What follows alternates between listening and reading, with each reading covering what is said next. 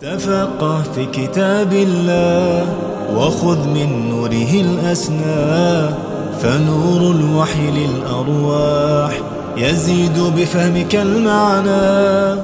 الباب الثاني من من أبواب المكتبة كتاب باب تجويد القرآن. تجويد القرآن. والكتب التي صنفت في تجويد القرآن كثيرة جدا.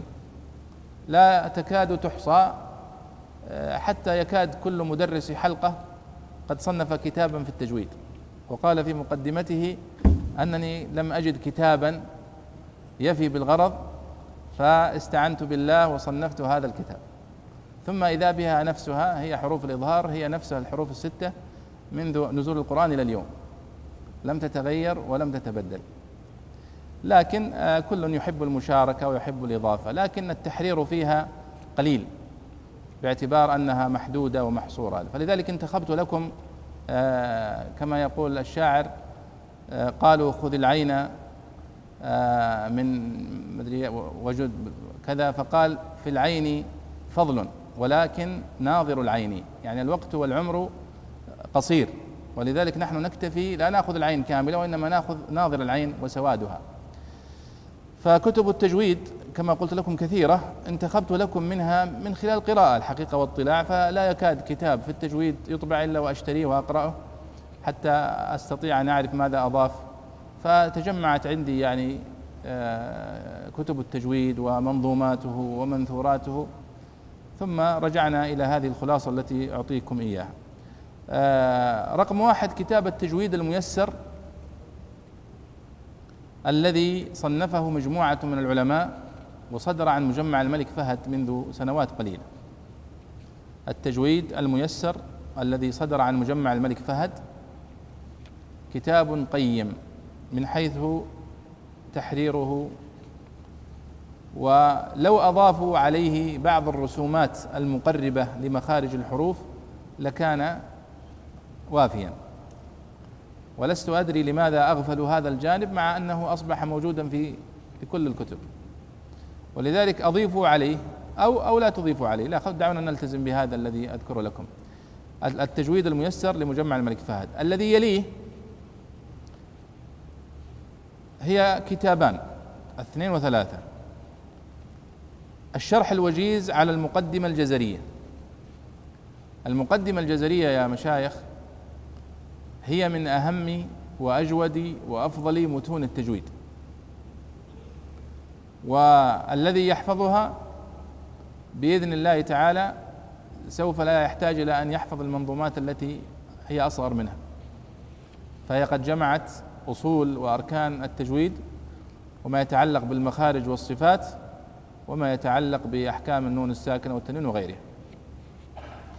فالشرح الوجيز على المقدمة الجزرية للدكتور غانم قدوري الحمد شرح واف جمع بين ما ذكره العلماء المتقدمون في شرحها وأضاف إليه يرحمك الله يا شيخ وأضاف إليه ما توصل إليه الدرس الصوتي الحديث فيما يتعلق بمخارج الحروف وصفاتها فجاء كتابا سهلا ميسرا وافيا بالغرض وشفعه ببعض الرسومات المهمة التي تبين للطالب المقصود بمخارج الحروف وصفاتها والمدرج الصوتي للحروف العربية وحروف القرآن الكريم.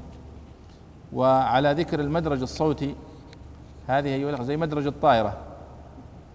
هم يسمونه يسميه علماء اللغويات المدرج الصوتي. فيقولون أن اللغة العربية هي أطول وأوسع اللغات من حيث المدرج الصوتي. وهذا استطراد. كيف أن نحن اليوم عندما نقول اللغة العربية هي أشرف اللغات؟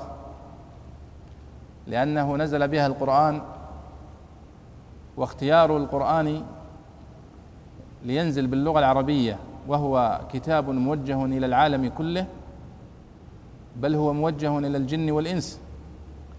فيه دلالة على أن هذه اللغة التي نزل بها هي أشرف اللغات التي يتكلم بها الناس. فهذه قرينة قوية في أنها هي أشرف اللغات وقرينة قوية أنها أيضا هي لغة أهل الجنة. وإن لم يرد في ذلك حديث صحيح.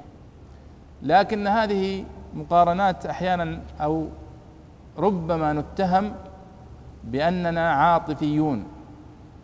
نقول ذلك لأننا عرب.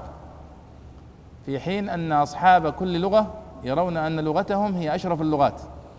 وأن لغتهم هي لغة أهل الجنة. ولذلك كتب أحدهم بحثا سماه التحيز اللغوي ورأى أن كل أصحاب لغة يتحيزون للغتهم ويصفونها بأفضل الأوصاف. لكننا نحن نقول عندما تكون الموازنات بين اللغات منطقية يصح الصحيح. فإذا أتينا إلى مقارنة في باب الصوتيات نجد أن اللغة العربية مدرجها الصوتي هو أوسع المدارج باعتبار أن آخر أو آخر الأصوات أو, أو آخرها ظهورا وهو حرف الباء والميم تصدر من الشفتين وأبعدها في المخارج حرف الهمزة والهاء باعتبار أنها تخرج من الجوف. فبين أولها وآخرها مسافة هي ما نسميه بالمدرج الصوتي. فلما درسوها وجدوا أن يعني المدرج الصوتي للغة العربية بعضهم يقول أنه يصل إلى 30 سنتي. وهذا طبعا باعتبار حلق الإنسان. بعضهم طويل حلقة 30 سنتي أو 40 وبعضهم يزيد عن ذلك وبعضهم أقل. لكنه يعني احسبوها أنتم من مخرج حرف الهاء هنا في الجوف وإن كان بعضهم لا يحسبه إلا من من الحنجرة نفسها التي يتولد فيها الصوت إلى الشفتين. فهذا لا شك أنه مدرج طويل. الذين درسوا اللغة الفرنسية يقولون أن مدرجها خمسة سنتي فقط. واللغة الإنجليزية أربعة سنتي فقط. فقلنا الحمد لله. ولذلك الذي يتحدث العربية يستطيع أن ينطق حروف اللغات. بخلاف الذي يتحدث اللغات الأخرى يجد مشقة في بعض حروف العربية التي لا توجد في لغته. هذا استطراد لكن أنا أتحدث عن شرح المقدمة الجزرية الوجيز الذي كتبه الدكتور غانم قدوري فقد جمع فيه بين الدرس القديم والدرس المعاصر فيما يتعلق بالصوتيات فأضاف بعض الإضافات المهمة التي ينتفع بها طالب العلم. هذا الشرح الوجيز أيها الإخوة مختصر يعني ربما يأتي في 150 صفحة أو نحو ذلك. هناك شرح آخر سماه شرح المقدمة الجزرية. شرح المقدمة الجزرية للدكتور غانم قدور الحمد. وهذا الكتاب هو أوسع شروح المقدمة الجزرية وأجودها وأحفلها بالمعلومات والتفصيلات. وهو يقع تقريبا في 800 صفحة. هذا الشرح الوجيز والطويل هو من مطبوعات معهد الإمام الشاطبي بجدة ومؤلفه الدكتور غانم قدور الحمد أستاذ القرآن وعلومه واللغويات في جامعة تكريت بالعراق. هذا الشرح الموسع أيها الإخوة ينبغي عليكم أن تقرؤوه فهو لطلاب العلم. فصل فيه تفصيلات مهمة جدا. استوعب فيه ما كتبه المتقدمون من الشروح وجمع فيه بين الدرس القديم والمعاصر فيما يتعلق بالمخارج والصفات فجاء حافلا بديعا محررا عبارته جزلة وواضحة ومراجعه واسعة ومفيدة. اذا هذان الشرحان أيها الإخوة مع التجويد الميسر وطبعا شرح المقدمة الجزرية الواسع والمختصر كلها تدور حول المقدمة الجزرية منظومة ابن الجزري رحمه الله تعالى. فلذلك يعني يعني غني عن التعريف أنا أقول لابد من حفظ المقدمة الجزرية. المقدمة الجزرية مهمة جدا. لأن بعض المناهج المعاصرة تزهد في الحفظ. ونحن بالرغم من أننا نقرأ كثيرا في كل هذه الفنون لم يبقى مع طالب العلم إلا ما يحفظ فقط. يستشهد به ويرجع إليه ويثق به ويراهن عليه ويقسم بالله العظيم عليه. لماذا؟ لأنك عندما تقول هذه خمسة أقسام أو هذه أربعة أقسام الشيء الذي جربته يضبط لك هذه الأقسام والتقسيمات هو الحفظ ولذلك لا بد من حرص طالب العلم على حفظ المنظومات الأساسية في العلوم. وأهمها ألفية ابن مالك مثلا في النحو. ألفية ابن مالك في النحو هذه أصل أصيل لطالب العلم. لا ينبغي عليه أن يتركها وأن يغفلها لأنها جمعت له علما لا يستغني عنه في الدراسات القرآنية ولا في الدراسات الحديثية ولا في الأصول ولا في غيرها. لأن النحو ماد يعني مادة من مواد الآلة المهمة جدا. أيضا المقدمة الجزرية في الدراسات القرآنية مهمة جدا فيما يتعلق بضبط التجويد. والتجويد هو تعب شهر وعز دهر.